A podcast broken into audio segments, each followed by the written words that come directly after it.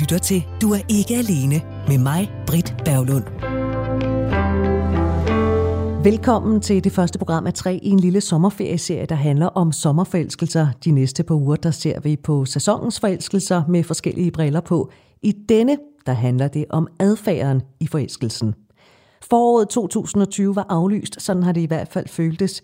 I måneder, der blev vi opfordret til at sidde derhjemme. Og ja, selvom man gerne måtte date, så er det min fornemmelse, at mange har holdt igen. Det har ikke været, som det var engang. Stille og roligt, så er båndene blevet løsnet mere og mere. Vi er begyndt at komme mere ud, og det sociale liv har også fået et nyk opad. Og med sommersol og udgangspas, så kan man jo godt risikere, at man går hen og forelsker sig. Du kender følelsen. Det sidder i kroppen. Du får hjertebanken, når du tænker på den udkårne. Og smilet, det er nok også lidt større end for bare et par måneder siden. Et er, hvordan vi fysisk kan mærke, at der sker noget med os. Men hvad sker der oppe på øverste etage? Hvordan reagerer vores hjerne på forelskelsen? Og kan den lide, når dens ejer er forelsket? Thomas Tavlov Rab ved en hel del om hjerner. Han har skrevet ind til flere bøger om hjernen, og så holder han også foredrag. Velkommen til, Thomas. Jo, tak. Vi skal som sagt tale om den der sommerforelskelse og hvad det er for en størrelse. Og når vi ser en eller anden og føler en vis trang til at komme i kontakt med det andet menneske, det er sådan det første trin. Hvad udløser, at vi oplever den der trang til at tage kontakt? Altså egentlig er det meget simpelt. Man kan sige, at altså, mennesker er jo, kan man sige, seksuelle dyr. Vi er både seksuelle og romantiske dyr. Her øh, tidligere på året under coronakrisen, hvor vi var lukket ned, var selv øh, Sundhedsstyrelsens direktør Søren Brostrøm jo ude at sige, at selvom vi ikke kunne kontakte noget, som burde tænke at finde sig, måske en enkelt, som man også kunne tilfredsstille det behov med, fordi vi har jo simpelthen en grundlæggende del af vores natur, i hvert fald langt de fleste af os. Så det er helt naturligt, at vi har sådan en trang, der spiger med, at vi fatter interesse, om det så er for det andet køn eller det samme køn, og sådan set underordnet. Vi er seksuelle væsener. Så vi har jo sådan en udvængelse, kan man sige. Så det er simpelthen et grundlæggende behov?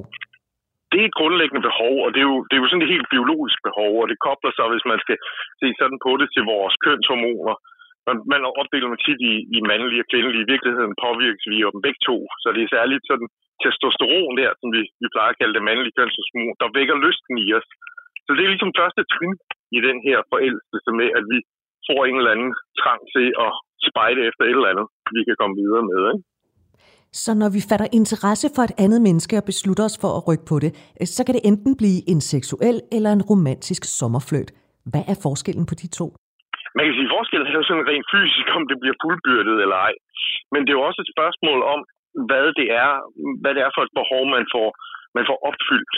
Fordi vi har jo både seksuelt behov, vi har også romantisk behov for nærhed og ømhed osv. Og, og de to ting, de arbejder jo ofte sammen, men de kan også godt arbejde mod hinanden.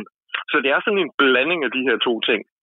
Når vi snakker om sommerforelskelse, så er det jo selvfølgelig, kan det jo godt være lidt det her med, at det er varmt, og vi er afslappede og så videre, og så kommer de her mere grundlæggende behov måske lettere op til overfladen end om vinteren, hvor vi er pakket ind og fryser. Men det kan også godt være det her med den fortryllende sommerstemning, gør, at vi pludselig får en masse romantiske tanker, vi gerne vil have tilfredsstillet. Og så skal man jo heller ikke underkende effekten af, at øh, folk som oftest har lidt mindre tøj på om sommeren, det kan jo også øh, have en vis indflydelse. Jamen helt sikkert. Altså det er jo sådan med det her, at der er sådan en dobbelthed i det. Fordi på den ene side, så har vi sådan grundlæggende trang til at få tilfredsstillet nogle biologiske behov. Og det er jo sådan, hvad det er. Vi er faktisk ret gode til normalt at holde dem sådan rimelig jave, så de ikke dukker op på et forkert tidspunkt. Når vi så giver tøjlerne løs om sommeren, så har de det med at dukke op. Men det kan også køre den omvendte vej rundt, ikke? Når man pludselig sådan ser et eller andet, som vækker ens appetit, både den ene og den anden forstand. Det kan være en flødekage, så kan vi godt lige blive lidt ekstra sultne, eller det kan være en let forklædt fyr eller pige nede på stranden, og så kan det godt være, at vi pludselig kommer i tanke om, at vi også har en anden del af vores væsen, som jo måske også en gang imellem har brug for at få sit, om man så må sige. Men hvor meget bestemmer hjernen, om det skal være romantisk eller seksuelt? Man kan sige, at det er jo egentlig ikke hjernen, der bestemmer. altså, der er nogle forskellige mekanismer i hjernen. Men det er jo egentlig os, der bestemmer, hvad vi gør, og hvordan vi så forvalter de her mekanismer. For der er jo det her fine i det, at der er nogle mekanismer i hjernen, der så at sige higer mod at få tilfredsstillet den seksuelle trang. Men der er også nogle mekanismer i hjernen, der måske higer efter at få tilfredsstillet det, man kunne kalde den romantiske trang. Altså det her med at måske at få indledt et længerevarende forhold.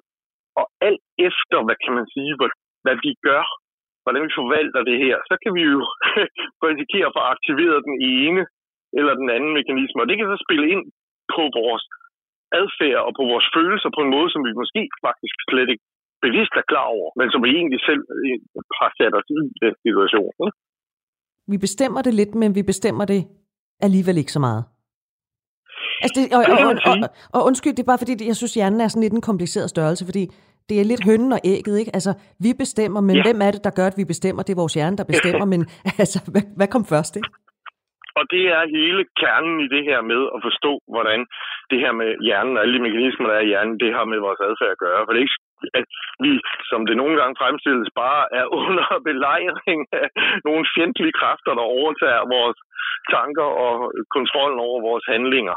Men der er nogle mekanismer, der fungerer på bestemte måder, og hvis vi ikke tænker nærmere over, hvad vi gør, jamen så kan det være, at vi ubevidst får sat det i den ene retning eller den anden retning. Sådan er det også med det her forhold, kan man sige, mellem seksuel udlevelse, seksualitet og den mere romantiske forelskelse. Der er forskellige mekanismer, der trækker os forskellige steder hen. Ikke? Okay. Nu forestiller vi os, Thomas, det er sådan en sommerdag, ikke? Øh, ja. Man er fri fra arbejde det er dejligt varmt, man sidder, man har måske ikke så meget tøj på, fordi at, øh, man sidder også ude i solen og får lidt sol, og man drikker måske en kold øl, og så kommer der et eller andet øh, levende væsen forbi, hvor man tænker, mm, mm, mm, kunne godt, ikke?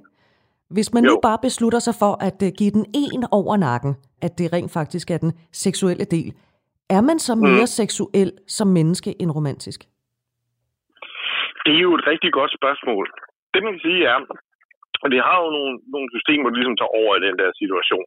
Og det kan man jo sådan se, at, at faktisk ofte vil man være måske sådan lidt tilbageholdende med at, kaste, med at kaste ud i det, men når det sker, så kan man jo se nogle forandringer i, som jo også afspejler sig i hjernen. Der sker nogle fald i de områder i hjernen, der normalt gør, at vi er lidt tilbageholdende og nervøse omkring at gøre noget. Et område, der hedder amygdala, eller hjernens alarmsystem, bliver nedreguleret, når vi har taget beslutningen for at kaste os ud i det seksuelle eventyr. Nogle af de her belønte drømte, man kalder det belønningsområder, øh, men i virkeligheden er det dem, der sådan får sat gang i de her grundlæggende motivationsting, som dopamin og så videre, de stiger, så man bliver sådan fanget lidt i den der begejstring, som jo er. Altså, det er jo ikke nogen hemmelighed, at sex kan føles ganske, ganske godt, og det ved hjernen også, så vi får sat gang i sådan meget stærke kræfter, kan man sige, der trækker os i den retning.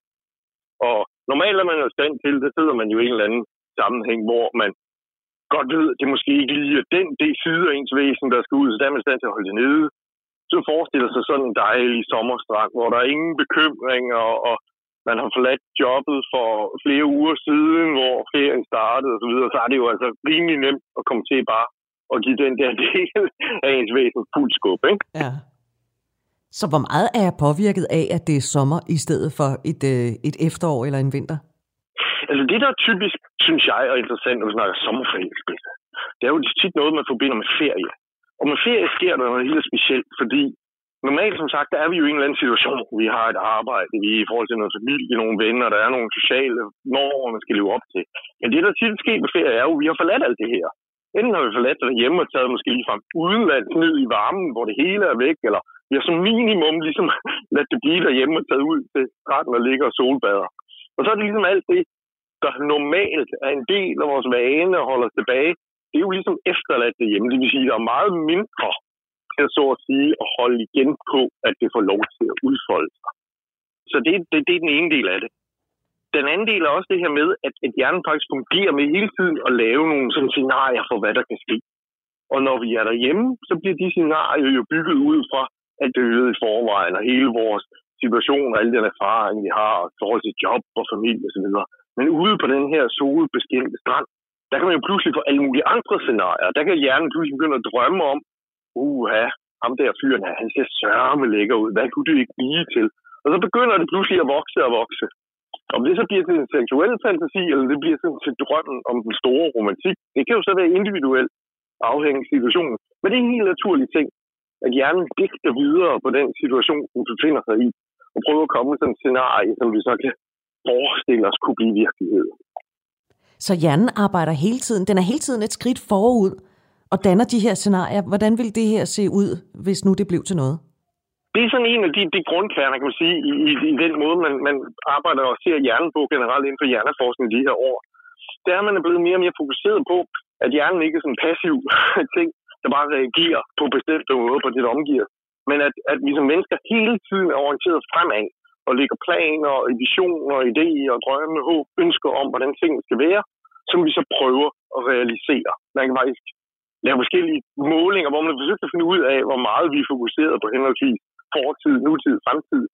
Og en stor del, faktisk en større del, vi måske altid tænker over, at vores tankenitet retter sig faktisk mod fremtiden. Altså hvordan vi kan opnå et eller andet, hvordan vi kan få en vision for, hvordan vi kan komme videre og få idéer, eller hvordan vores liv kan blive, og så videre. Og det bruger hjernen en stor del af sin tid på, også når vi bare måske sidder og lader tankerne flyde og så videre. Så det er en helt naturlig ting, hjernen gør. Og den selvfølgelig udgangspunkt i den situationen er i. Så når vi er på jobbet, så får vi måske en idé om, hvordan vi skal klare vores arbejdsopgaver. Når vi har forladt jobbet og gået ned på stranden, så kommer alle de andre idéer op, ikke? Og så ruller lavinen. er, det, er det derfor, at man... Øh, og nu taler jeg sådan for mit eget vedkommende. Jeg har sådan i mange år i mit liv lidt følt, at jeg har stået med et øh, ben et andet sted. Jeg har ikke rigtig kunnet finde ud af, hvad er det, jeg skal det der med at være ja. sådan fuldstændig grounded, at have begge ben godt på jorden og være i nuet. Ikke? Jeg har hele tiden ja. stået med et ben ud mod noget andet, eller på vej mod noget andet. Er det i virkeligheden min hjerne, der sådan hele tiden spiller nogle scenarier for mig? Ja, det er, der, der er sådan en, en, en balance, fordi vi, vi snakker tit om det her med at, at leve nu, altså hensyn, men det, det er jo en del af menneskelig natur, og, og hvis man skal tro på studier, der er lavet, så er det også en del af den, det at være som adskiller sig fra mange dyr, at de er den der fokus på fremtiden. Hele tiden har idéer og projekter og øh, ting, der skal realiseres osv. Det er jo sådan en del af, hvem vi er som menneske. Så det er naturligt, at vi bliver sådan revet ud af den der følelse om, at vi bare skal nyde nu. Ikke? Det kan nogle gange være svært, fordi vi har så også en tendens til hele tiden at tænke frem. Så, så det er sådan en kamp mellem de her to forskellige måder at, at, at opleve verden på. Og det er en helt naturlig ting, at, at vi gør sådan. Også når vi snakker sommerforelskelser. Altså, det, det er helt naturligt, at, at når vi først har set et eller andet, så er vi allerede også spolet filmen frem og kan forestille alle mulige fantastiske scenarier, som vi så måske, måske ikke kan få realiseret. Men, men Thomas Raab, hvor, hvor smart er det, at hjernen hele tiden er på forkant? Altså, man kan sige, dagligdagen og generelt, så er det super genialt. fordi det betyder, at man kan noget ganske særligt, nemlig være forberedt på tingene, også de uventede ting allerede inden de sker. Altså, hvis man forestiller sig dyr, der kun kan reagere på det, der kommer ind lige nu her, så bliver man så lidt en hovedløs høne, der bare hopper fra det ene til det andet. Hvis man kan tænke det på forhånd, ved allerede inden det sker, at jeg skal tage forbehold for de her ting, ret tid i omhu og være forberedt osv., jamen så kan man faktisk klare mange af livets svære situationer med meget mindre, hvad kan man sige, energi og, og, og mindre omkostninger. Så det er sådan en del af det, som gør os særligt kloge, intelligente og i stand til at håndtere ting, som, som andre dyr ikke kan. Mm. Men, men prisen er jo selvfølgelig, at den her, den her, det her dagdrømmeri også nogle gange ligesom stikker af med os. Ikke? Fordi det, der sker normalt, er, at, at vi har de her idéer om, hvordan tingene skal være, og så bliver det jo meget hurtigt i vores dagligdag holdt op mod virkeligheden. Jeg har en idé om, at vi gør sådan og sådan, så viser det, så det kan ikke lade sig gøre, fordi der er det. Så må vi ændre vores plan, og så redigerer vi dem osv. Det, det er sådan, menneskelivet er, på godt og på ondt. Ikke? Men når man så tager flyet, flyver ned på en eller anden sommerstrand, eller i Danmark og gør det samme, så, så sker der jo det med, at det i virkeligheden melder sig ikke helt altid med den samme kraft. I hvert fald ikke lige med så man kan jo bare drømme videre med alle de her romantiske drømme om, hvad det kunne blive til. Man kan bilde sig selv ind, at det her er godt i den store kærlighed. Og det er jo så først, når ferien er forbi, og øh, Luigi, som man faldt for, øh, og ens kærlighed til ham, skal forenes med ens almindelige liv, og alle de praktiske problemer, der er, at vi vil sige, sommerfelten ligesom knækker og møder virkeligheden hårdt og brutalt. Ja, fordi jeg tænker jo, man siger, at man skal ikke tage sårene på forskud. Men det er faktisk ret nemt at tage soverne på forskud, og ikke nødvendigvis noget, vi selv bestemmer. Så hvis hjernen er på forkant med glæderne, så er der jo en risiko for, at vi bliver skuffet. Giver det mening? Øh, det, det, det, er lidt, det er lidt firkantet sagt rent psykologisk. Men man kan sige, hvis man er i stand til at forudse soverne, så er man jo også i stand til at undgå dem. Og det er jo det, der, det er det, der er tricket i, hvordan man kan bruge det positivt. Det, som selvfølgelig er problemet, er jo, at vi har jo alle de her forestillinger om fremtiden, og det er jo, det er jo sådan set en god ting, at vi kan have det. Også, også selv det romantiske. Det, der er svære, er jo at justere dem, så de også kan realiseres, så vi ikke bliver skuffet hver evig eneste gang. Og det fungerer jo faktisk i mange tilfælde i dagligdagen rimelig godt, fordi vi hele tiden skal konfronteres med, med hvordan verden er. Så vi, vi forstår at justere for det meste. Ikke? Mm. Øhm, det, som selvfølgelig er pointen, er, når vi får friløb i den her proces, jamen så øh, er det også meget nemt at få en masse urealistiske drømme. Og jo mere urealistiske dine drømme er, også når det gælder romantik, jo hårdere bliver mødet med virkeligheden, når det dukker op. Og der har man jo lavet en hel industri øh, omkring det her med at skabe en setting, altså ferien, hvor man kan bygge sin, sin, sin, sin øh, hvad skal man sige, forventninger fuldstændig urealistisk op med et hårdt brud, når man skal tilbage på arbejde tilbage til virkeligheden. Hvordan man ligesom viderefører det bagefter. Og det er sådan en hård realitet bag sommerforelskelsen. Mm. Ja, det kan være meget svært at bære den ind i virkeligheden igen. Og derfor bliver det tit til sådan en, en sommerfløt eller en ulykkelig kærlighed om, at livet var også meget bedre der, hvor man bare kunne flytte fuldstændig øh, ubekymret på sandstrand og videre. Og det er jo sikkert også rigtigt. Det var det også. Men, men måske er det svært at leve hele sit liv på den måde. Mm. What happens in blokhus stays in blokhus. Øh, Thomas Raab, kan, ja, kan hjernen lide, øh, når ejeren er forelsket? Så det, det, det er en fantastisk måde at udtrykke det på. For egentlig vil jeg sige, jeg vil aldrig nogensinde udtrykke det sådan, men, men jeg bliver nødt til at svare ja. Altså. øhm, der, der er sådan en dobbelthed her, ikke? fordi der, nu har vi jo snakket lidt det her med det seksuelle. Det er jo altså kun en side af det. Øhm, der er jo det her med, at vi har jo to, vi har jo to trange, kan man sige. Vi er ikke kun seksuelle dyr, vi er også romantiske dyr. Altså, vi har også sådan en, en grundlæggende trang mod at den forhold, om det er den ene eller anden slags, men også, hvad skal man sige, parforhold øh, med andre personer. Og det er jo også den der romantiske side af det. Det her parbånd kan også være en meget, meget stærk kraft. Og det, som sker, er, at hvis man tilbringer rigtig lang tid med at hygge og nusse, og for den sags skyld også gå i seng med hinanden, så sker der altså også det, at hjernen begynder at aktivere nogle af de her mekanismer, som tjener til at binde os til hinanden. Og når man så siger, kan hjernen godt lide det, så er det fordi, at de områder i hjernen, der bliver aktive, ligger faktisk i de dele af hjernen, man traditionelt kalder belønningscentre. Altså centre, der bliver aktiveret, når der er et eller andet, vi man kan sige, vi godt kan lide det, men virkelig er det noget, der fungerer som signal til hjernen om, at det her, det er noget, jeg bør gentage. Så hvis man overhovedet kan snakke om, at hjernen godt kan lide noget, så må man svare ja. Fordi det forelskelse gør, det er at sørge for at aktivere de her områder i hjernen, der siger, det her, vi gør lige nu, det føles ret godt. Det burde vi måske blive ved med eller gøre igen. Ikke? Ja. Så, så, så ja, hjernen kan godt lide at være forelsket. på den måde, at den, det er jo simpelthen en måde, hvordan den vender sig til på at gentage noget og blive tiltrukket af en person, opsøge den person igen, så meget, at hvis man virkelig forelsket, så begynder man nærmest at se vedkommende overalt. Ikke? Så, så på en virkelig, virkelig voldsom måde, kan man sige, at hjernen godt kan lide det her. Ikke? Du lytter til Radio 4 og du lytter til øh, Du er ikke alene og det første program i en lille sommerferieserie på tre programmer, der handler om sommerforelskelse, og i øh, denne her udgave, ja, der handler det om vores adfærd. Lige nu, der taler jeg med Thomas Raab, der ved en hel del om hjerner, har skrevet bøger om hjernen og også holder foredrag. Og Thomas, hvis nu man går hen og forelsker sig, sommerforelsker sig her i løbet af de næste par måneder, hvilken del af hjernen er det så, der kommer på arbejde? Det er jo sådan et rigtig godt spørgsmål. Fordi det, det, der, hvor, hvor det, som er interessant, det som gør det her med forelskelse og kærlighed, og for den skal skyld også seksualitet så, så besværligt er jo, at det er nogle kræfter, der ligesom ikke er en del af det, vi normalt sådan måske identificerer os med. Altså vi har jo sådan en bevidst, rationel opfattelse af, hvordan vi bør gøre tingene, og hvad der bør ske, som beror her på hjernebarken, der er sådan den alt dominerende del af menneskehjernen, hvor vi danner alle de her scenarier om, hvad bør jeg gøre, og vi har alle de her modeller for, hvordan bør mit liv være osv., men, men, men forelskelse, seksualitet, bygger jo på nogle meget grundlæggende dele i hjernen, der påvirker, hvad vi egentlig har lyst til, og hvad vi egentlig er fokuseret på på en helt grundlæggende plan. Det er måske ikke så meget, kan man sige, med, med specielt dele af hjernen gør, som det har med nogle forskellige stoffer, der påvirker hjernen på en bestemt måde.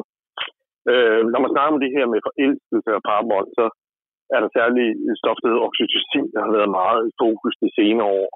Øh, der har været meget sådan ballade omkring det her, fordi den blev udråbt til kærlighedshormon og så videre. Og det er måske lidt overgjort, men dyreforsøg og også forsøg på mennesker tyder på, at, at det her med, når vi danner parabånd og bliver sådan helt tiltrukket af andre, så er det de her stoffer, der simpelthen bliver aktiveret.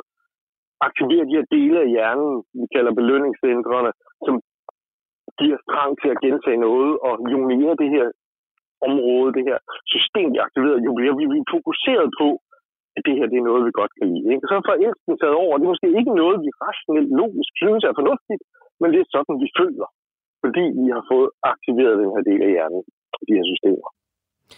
Hvis man nu taler med en hjertelæge, så vil vedkommende sige, at det er vigtigt, at man øh, får øh, sin puls op, fordi hjertet er en muskel, og den skal have lov til at arbejde. Øh, hvis nu vi taler ja. om hjernen, Thomas Raab, Kloge mennesker siger også, at det er sundt lige at lave en kryds og tværs, eller en sudoku, eller øh, lægge et puslespil eller noget andet. Øh, er det også sundt ja. for hjernen at blive forelsket? Altså lige at få motioneret det område af hjernen? det er et rigtig godt spørgsmål. Sådan tror jeg faktisk ikke, man kan stille det op. Men man kan stille det sådan op, at forelskelse af de her følelser, de her sociale følelser, det er faktisk nogle af de samme systemer, som også er aktive i, i, i, i positiv social øh, bånd til andre mennesker, altså venner osv. Det er også nogle af de her samme øh, mekanismer, der er på spil, bare, bare på en anden måde. Det er jo en del af menneskets væsen, og det er jo aldrig sundt at, at, at afkoble og, og, og underkue en del af den, den måde, vi sådan set er på. Øhm, sammen med seksualitet, i de fleste af os i hvert fald, der findes faktisk undtagelser. Vi er ikke så mange i store billede af vores seksuelle væsener. Det er jo heller ikke sundt at undlade helt at udleve den del af vores væsen, hvis man føler en trang. Og det samme med, med, med forelskelsen og kærligheden. Hvorfor skulle man dog lade være, hvis, hvis det er en, en stor del af os? Øhm, så på den måde kan man sige, at det er ikke nødvendigvis sundt for hjernen, fordi det er sundt rent psykologisk. Øh, meget tyder på, at de her øh, oxytocin systemer særligt øh, har en masse positive virkninger for vores velvære. De gør os afslappede. De, der, der, der er studier, der viser på, at, at de nedsætter for eksempel øh, sandsynligheden for øh, at, at udvikle misbrug og afhængighed osv., simpelthen fordi de fungerer, hvad kan man sige, som et stærkere middel til at, at opnå et eller andet, der er godt, end at gøre det kunstigt ved at påvirke den alle mulige stoffer. Så det er jo en masse positive ting for os. Og hvorfor i alverden skulle man forsøge ikke at opleve det? Hvordan man så forvalter det, hvem man forelsker sig i, og man bare søger sommerfløjt efter sommerfløjt, det er så en helt anden historie. det er nemlig en helt anden historie. Hjernen er en forunderlig størrelse, ikke? fordi hjernen gør i virkeligheden, det er sådan lidt et, et lukket øh, centralvarmesystem. Altså hjernen udskiller nogle stoffer, som andre dele af hjernen så kan bruge. Ja, og det, det er jo ikke sådan, at, at det jo simpelthen bestemmer, hvad vi gør. Altså, det er jo faktisk netop problemet. Det, det, det skaber nogle, nogle, nogle, noget trang i os, det skaber lyst til at gøre nogle forskelligheder, forelskelsen, som altså, den kan jo godt komme på tværs af, hvad vi egentlig vil, ikke? Altså, så vi skal selv forvalte, hvad vi gør med de ting, der ligesom, der ligesom opstår ud af det her kaos. Så det er ikke, fordi det fratager vores, vores øh, handlekraft på nogen måde. Det sætter bare ligesom nogle forudsætninger op for, for hvad vi kan gøre, ikke? Ah, det er der pokkers, man stadigvæk skal tage ansvar for sine handlinger. Ja, det er jo det.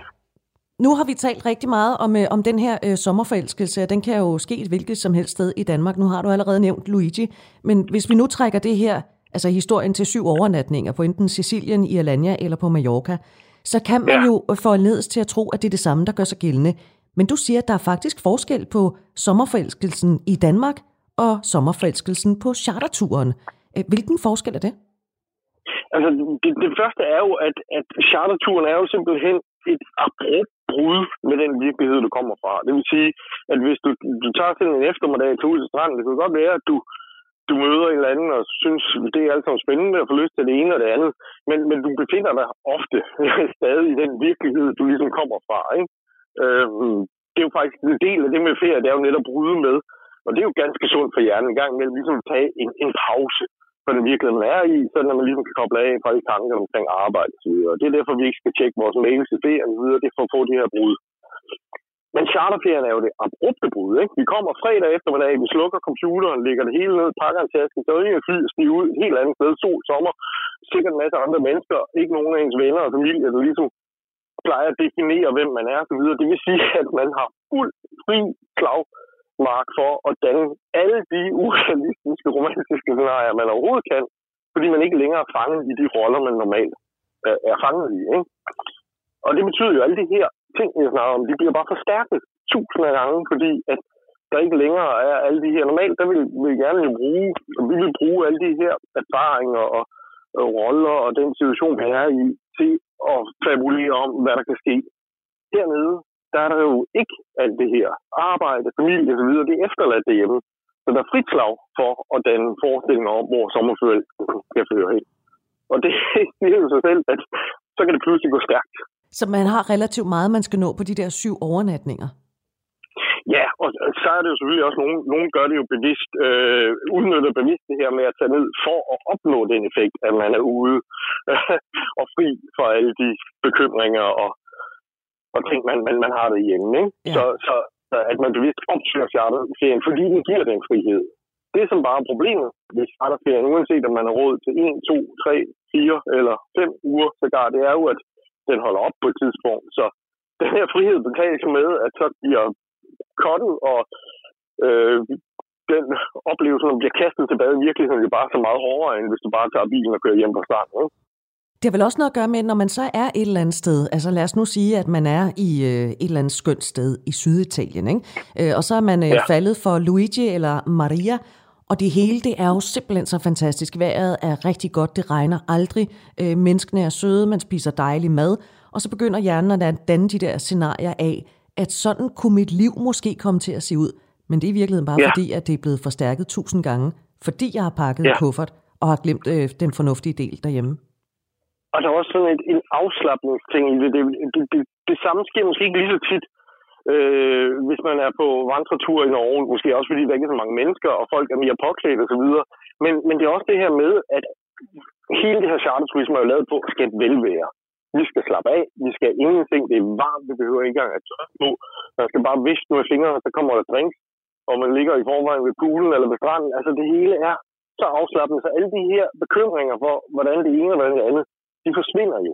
Og dermed slukker man jo faktisk systematisk for alle de ting, der ligesom skulle holde igen på, hvad vi ligesom kunne forestille os, eller hvad vi ligesom skal tage hensyn til. Ikke? Så, så man bliver jo primet til at være fuldstændig modtagelig over for, hvad der måtte komme af romantiske påvirkninger udefra.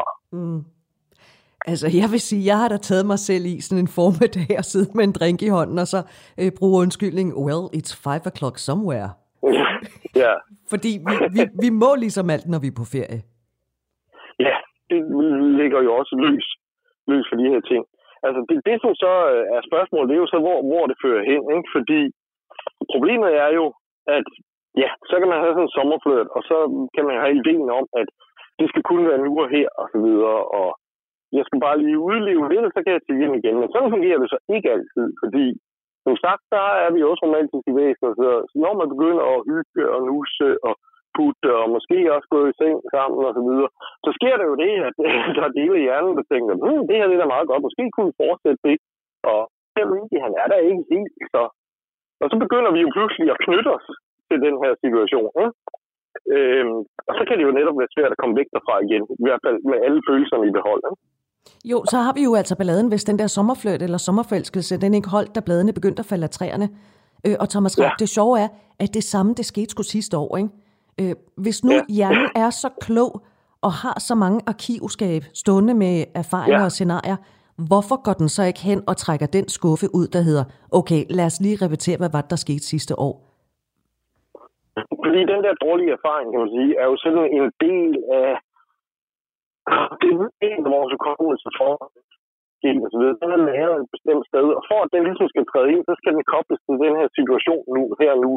Det kan også dem, der har haft negative oplevelser, der gør, at man pludselig begynder at se en masse lighed af den her situation, og det gik galt sidste år, og så begynder man at få en dårlig mavefornemmelse, og så bliver den her stærk nok til at holde en tilbage.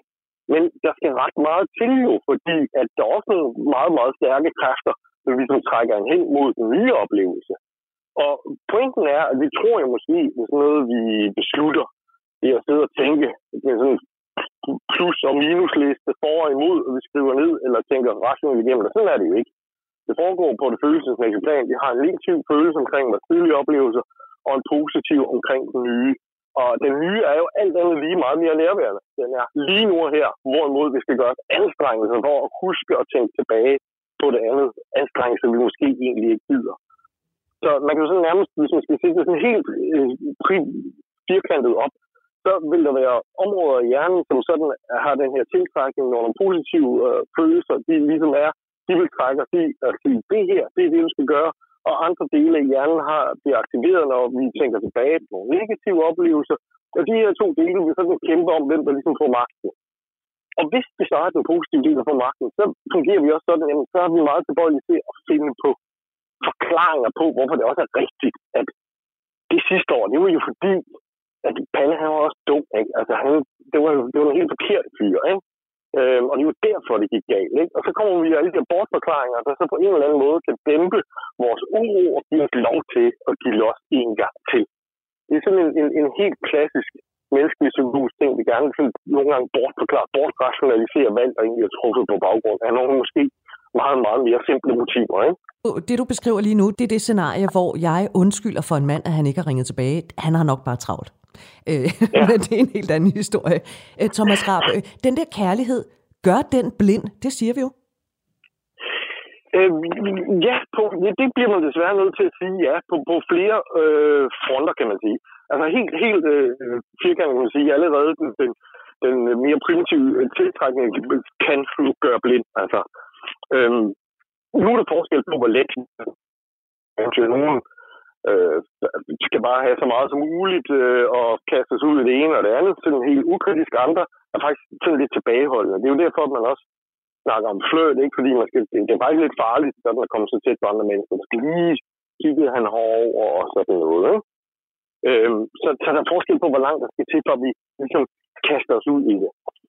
Øhm, så der er man stadigvæk forsigtig. Men når man sådan først er overvundet, hvad det end man må have af forbehold, så kan man se, altså noget af det, der sker, når vi bliver seksuelt opstemt, blandt andet, er, at aktiviteten i nogle af de her områder, der normalt gør sådan forsigtige og sætter hjernen til lidt alarmsituation, blandt andet det her område, der hedder mit, eller sådan hjernens alarmscenter, ikke? Som, som gør vi lige sådan, ah, er det nu alt, som skal være. Det falder markant, ikke? Altså, det er sådan ligesom, det, der skulle råbe os op, bliver ligesom overdøvet, fordi nu, nu er vi ligesom trukket skridtet, så nu går vi fuldt ud, ikke? Så, så mange af de her systemer, der normalt holder os tilbage for at kaste os ud i noget, vi måske ikke var helt de, de bliver sådan set dæmpet, hvis vi bliver tilstrækkeligt opstemt, og hvis de her systemer, der kan huske, hvor dejligt det egentlig var sidst, vi kastede os ud i sådan noget, de først bliver tændt, så, så slukker det her ned. Og så er så den der uheldige bieffekter, når de så vågner igen, hvilket det typisk først er bagefter, eller om morgenen eller så videre, så melder der pludselig med al den kraft, som de har slukket fra siden om alle de betænkeligheder, vi kunne have haft, men som vi simpelthen ikke havde i situationen. Ikke? Så det er den balance, der er i det. Du lytter til Du er ikke alene med mig, Britt Berglund. Vi skal her til sidst, der skal vi lige runde noget. Du har allerede snittet det et par gange, øh, nemlig det, der er den, du kalder den seksuelle fælde. Øhm, ja.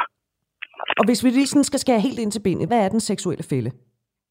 Det, det er det her forhold, øh, som vi har været lidt inde på, mellem vores seksualitet og vores seksuelle trang, og så vores romantiske trang. Og, og det, det, hvor filmen består, det er, at det var sådan en filmraket. Man kan jo godt tænke, at det handler bare om at nyde, og så ukritisk, og så kan man bare et klinbrud. Men problemet er, at der er en glidende overgang på de systemer, der ligesom lokker os til at have seksuelle oplevelser med andre mennesker, og så dem, der ligesom starter med at skabe de romantiske følelser. Jeg kan jo blive sådan en tretrinsraket. Vi har sådan en, en trang til at opsøge andre mennesker, vi har den her grundlæggende lyst, så har vi jo en seksuel ophidselse af alle de her dopaminstoffer, der gør, at vi kaster os ud over de, ud i de her seksuelle eventyr. Men problemet er, når vi kommer tæt på andre mennesker, og når vi lusser og viser omsorg for hinanden, så vækker vi nogle af de her andre systemer til live. Blandt andet de oxytocin-systemer, der er med til at, at skabe den her tiltrækning mellem mellem mennesker. Ikke? Og særligt, hvis man siger den seksuelle akt, for at nu gå helt ind, så er det sådan en trinraket, hvor først er det en ophiskelse og huhej, og man får tilfredsstillet den der fysiske ting, men kort efter det, så sker der jo det, at så snart man er færdig med det her, så ligger så begynder man faktisk at aktivere de her andre systemer. Sådan at det er meget svært at gennemføre det her uden også og begynde at skabe følelser til hinanden. Jeg tror, det bedste eksempel, det er, det er sådan øh, i, i 60'erne, hvor man snakker om fri kærlighed, der er et bollerum på alle øh, øh, øh kollektiver og så videre, i en idé om, vi bare kunne frit og ubekymret være kærlige mod hinanden. Og hvad skete der? Ikke så lang tid skete der, og så kom der jalousi og trekantsdrama og så videre, fordi vi er biologisk tilbøjelige til at begynde at skabe følelser over for dem, vi også har seksuelle. Seksuelle oplevelser med. Ikke? Så, så der er sådan en lille fælde, der hedder, at hvis man begynder sådan at være meget fysisk med hinanden, så begynder man altså også at fodre alle de her romantiske følelser. Og så kan det måske være for sent at trække sig ud igen, hvis det var det, man ville. Sker det for både mænd og kvinder? Ja, altså de her systemer er grundlæggende ens, øh, kan man sige, for mænd og kvinder. Det, det er faktisk samme øh, systemer i hjernen, samme stoffer. Der er noget med nogle balancer mellem, hvor dominerende tingene er. Ikke? Hvis vi nu tager øh, øh seksuelle lyst så hænger det sammen med kønshormonerne. Mest med testosteron, det er sådan historisk kaldt mandligt. Det findes både hos mænd og kvinder, så bliver det godt være stærkere, vil statistisk set være stærkere hos mænd, end det er hos kvinder. Men findes også hos kvinder og har samme funktion. Når vi så bevæger os over i de her romantiske med de her parbold, der skaber sig, så er det de her oxytocin-systemer. Og de er så til gengæld, hos begge køn, har samme funktioner, men vil være lidt stærkere statistisk set hos flere kvinder. Så altså, der er sådan en forskel, men det er ikke enten eller. Det er sådan mere en grads forskel. Og fra individ til individ kan det være svært at forudse, hvordan det er. Men, men, men der er sådan forskellige spredning over kønnene, ikke? Mm. Jeg ved ikke rigtig, hvad jeg skal mene om min hjerne, fordi det godt lyder som om, den lever sit eget liv. Øh, spørgsmålet er i virkeligheden, om den gør det, eller hvor meget kontrol jeg har. Thomas Rapp, er der mulighed for selv at skrue op og ned for, hvordan hjernen skal opføre sig, når den ser et andet menneske, som øh, enten er romantisk eller seksuelt tiltrækkende? Jamen, det er det jo altid. Altså det, man bare skal gøre sig klar over. Man kan ikke sætte sig ned og sige, nu vil jeg ikke udskille dopamin, eller testosteron, eller oxytocin, og så sætte sig ned og meditere over det, og så sker det også. Men ens adfærd påvirker jo, hvad der sker, ikke? Øhm, så man kan jo... der er forskel på, om man øh, øh, pakker kufferten og fylder den op med kondomer og tager ned på en strand i Sydeuropa for virkelig at få noget, eller at man godt ved, at det kommer der ikke noget godt ud af, og måske tager et andet sted hen, hvor der ikke er de samme fristelser. På den måde styrer man jo direkte, hvad ens hjerne bliver udsat for.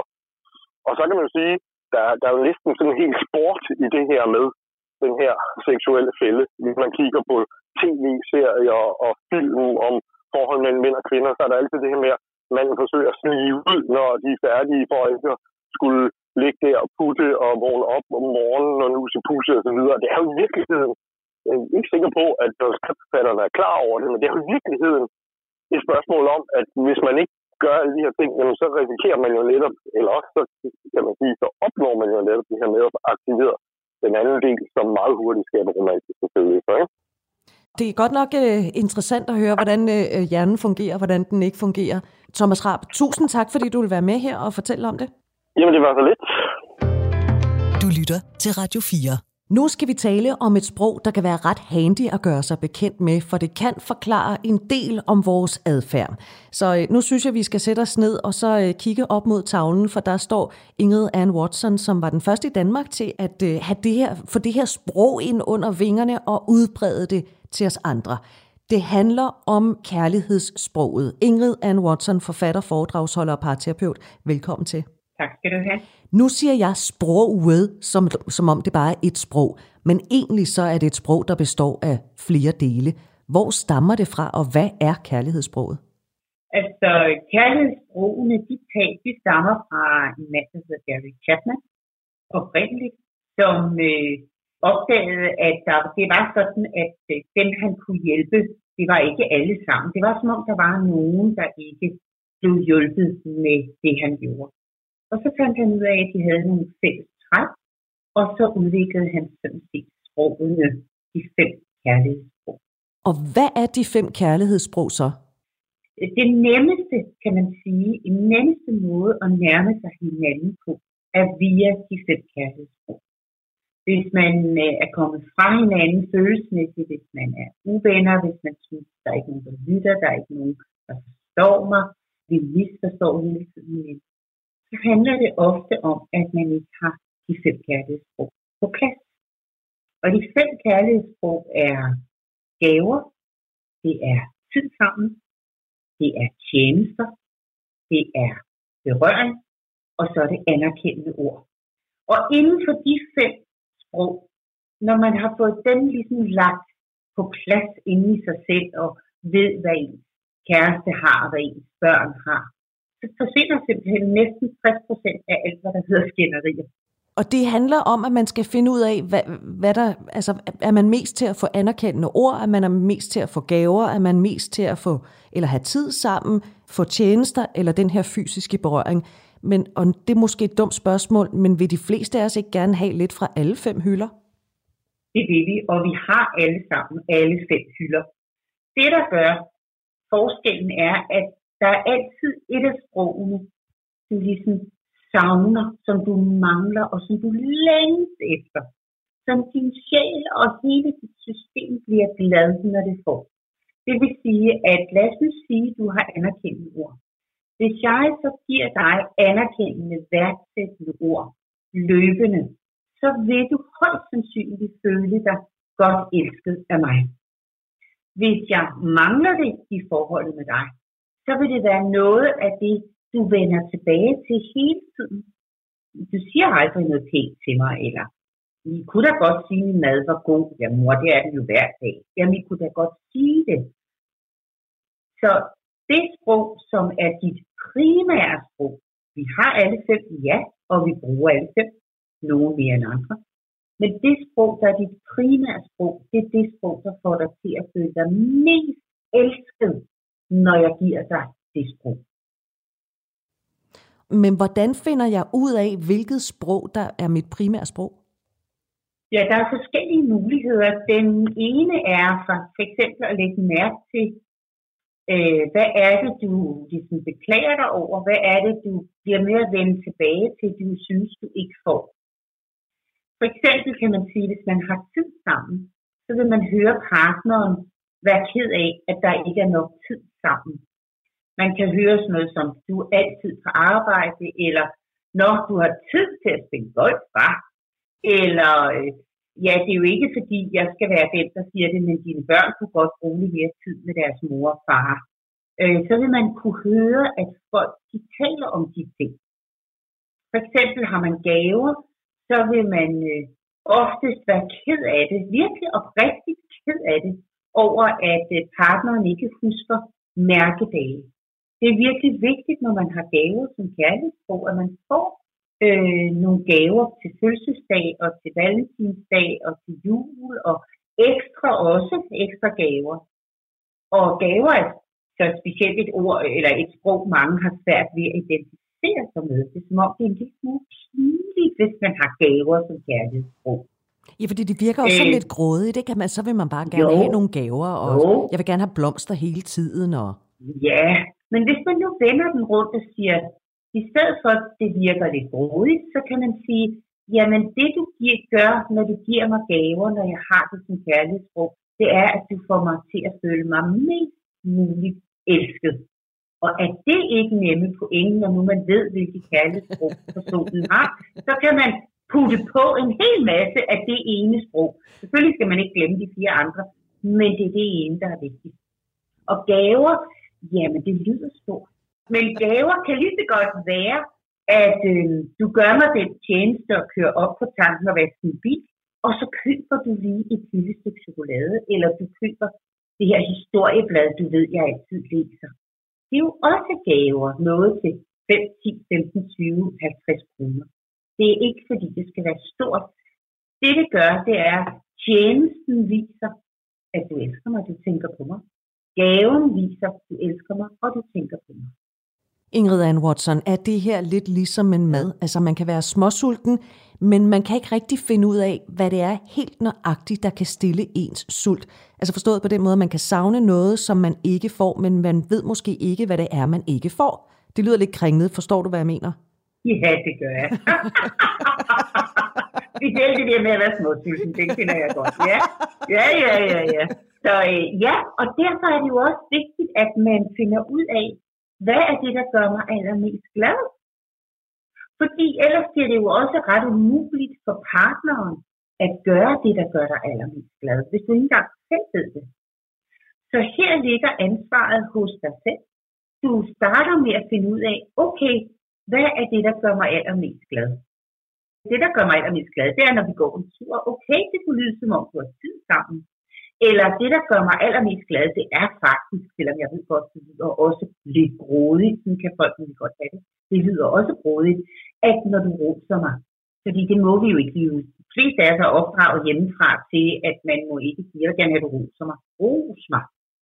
Øh, fortæl mig, at jeg er noget værd. Fortæl mig, at du elsker mig. Fortæl mig, at jeg gør det godt nok. Det er jo værdsættende anerkendende ord. Og berøring, jamen det er jo for eksempel, at du lige nusser mig på kinden, når du går forbi, at du nusser mig i håret, ah, måske ikke håret, hvis man er kvinde, så har man i sat det, men øh, at vi holder i hånd, at vi sidder tæt sammen i, i sofaen, at du lægger din hånd på min, når vi kører bil.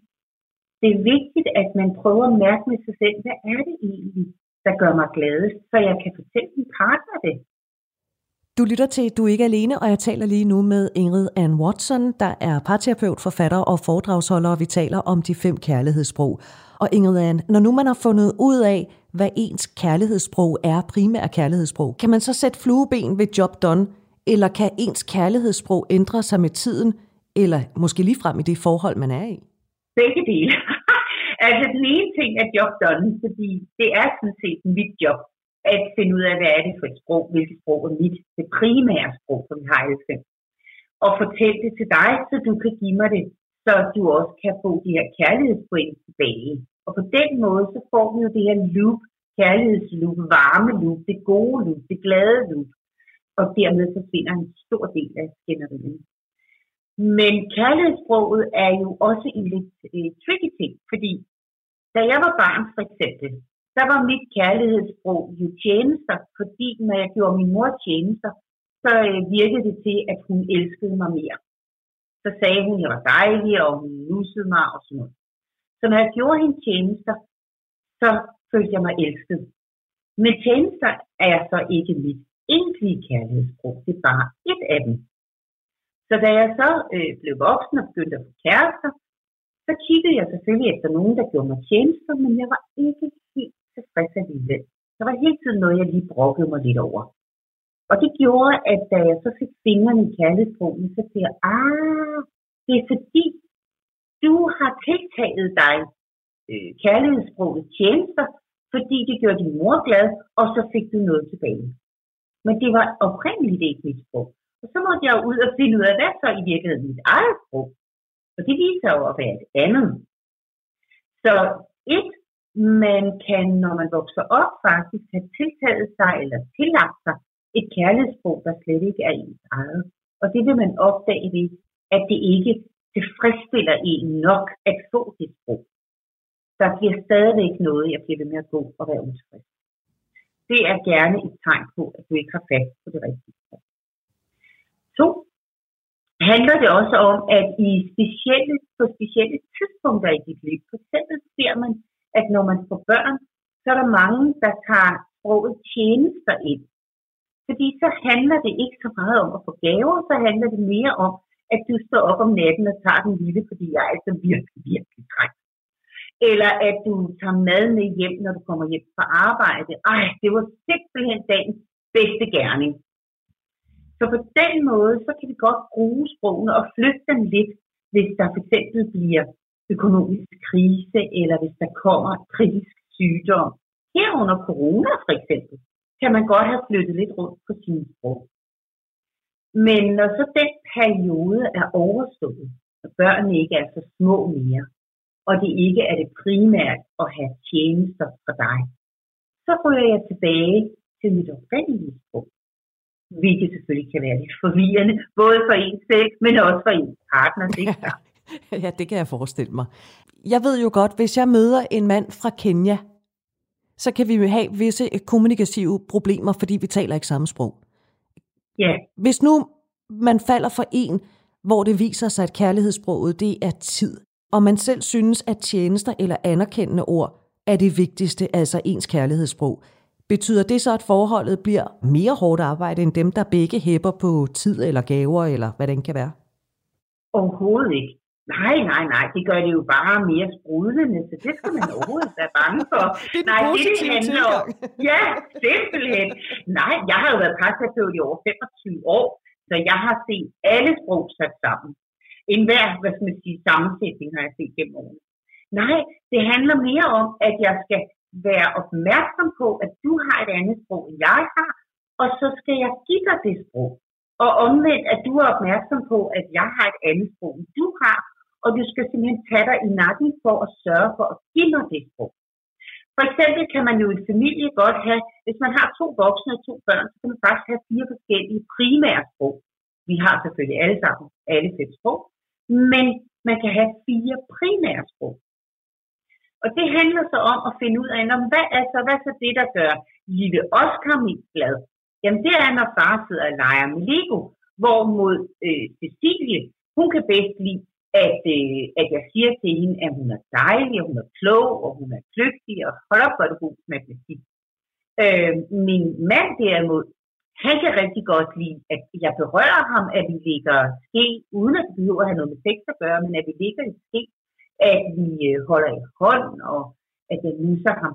Og jeg selv, jamen jeg kan rigtig godt lide gaver. Jeg elsker, når min mand selv kommer hjem og siger hallo. Øh, jeg kom til at tænke på, du kan så godt lide den der marokkanske mynte fra Irma, og du havde fortalt mig, at jeg ikke, de har den ikke. Men se, så var jeg inde i Irma inde i Borgergade, og de havde den. Så nu har jeg købt et par stykker til dig. Så det handler om at sætte ind på sin lystavle. Min kæreste har det her kærlighedssprog. Cecilie har det her. Oscar har det her. Den skal jeg simpelthen fylde op med de her kærlighedssprog. Giver det mening? Det giver så meget mening, og jeg tænker også, at man kan gøre sig selv og sit øh, nuværende parforhold eller sin kommende partner en kæmpe stor tjeneste ved, at man lige finder ud af, hvad er mit primære kærlighedssprog?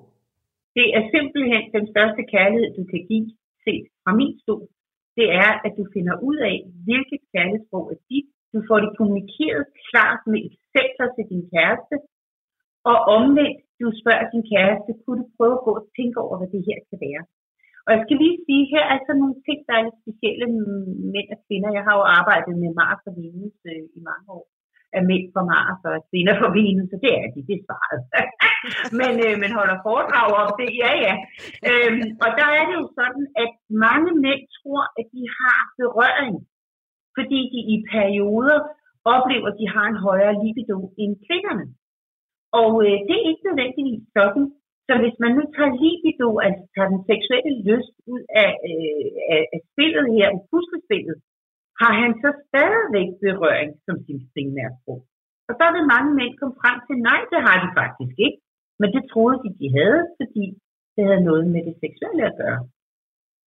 Så der, der har, er lige nogle ting, hvor man lige skal være opmærksom på, at det kan sige, at jeg har berøring, og man så kan høre, at han stadigvæk går og mokker lidt over, at du siger aldrig noget pænt til mig. Så har han nok et berøring, så har han nok anerkendt med værdsættende ord uden at vide det. Nu vil jeg gerne have, at du siger goddag til fordomsfrederikke, fordi hende hiver jeg lige frem her. Ikke? Øh, fordi ja, hej Frederikke!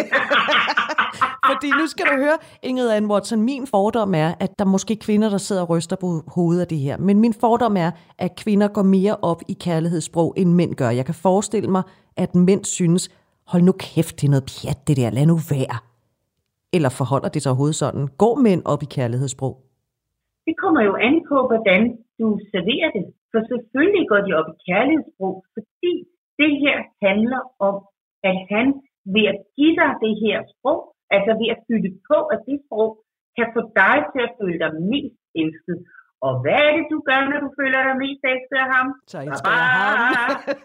ja, så får han jo tilbage igen. Og mænd er jo ret praktiske væsener, det er kvinder også, jeg skal nok sige, inden jeg får tomater. Men de er ret praktiske, og hvis man ligesom kan fortælle, få fortalt ham, at hvis du ved det her om mig, og du giver mig det her, så bliver jeg meget gladere for dig og vores forhold. Jamen, bare bam, bam, bam, så kan jeg love dig, så interesserer det ham.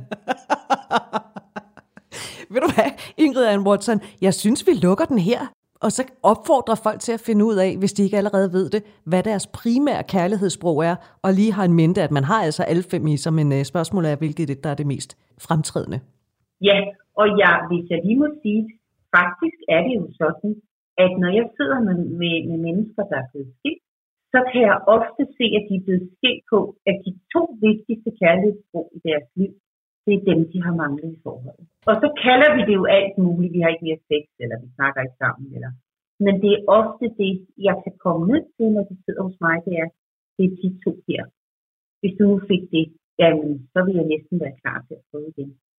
De er virkelig vigtige set fra min stol selvfølgelig. Forfatter, foredragsholder og parterapeut Ingrid Ann Watson fortalte om de fem kærlighedssprog, som er tid sammen, det er tjenester, det er gaver, anerkendende ord og berøring. Der er mere sommerforelskelse i din radio om 5 minutter.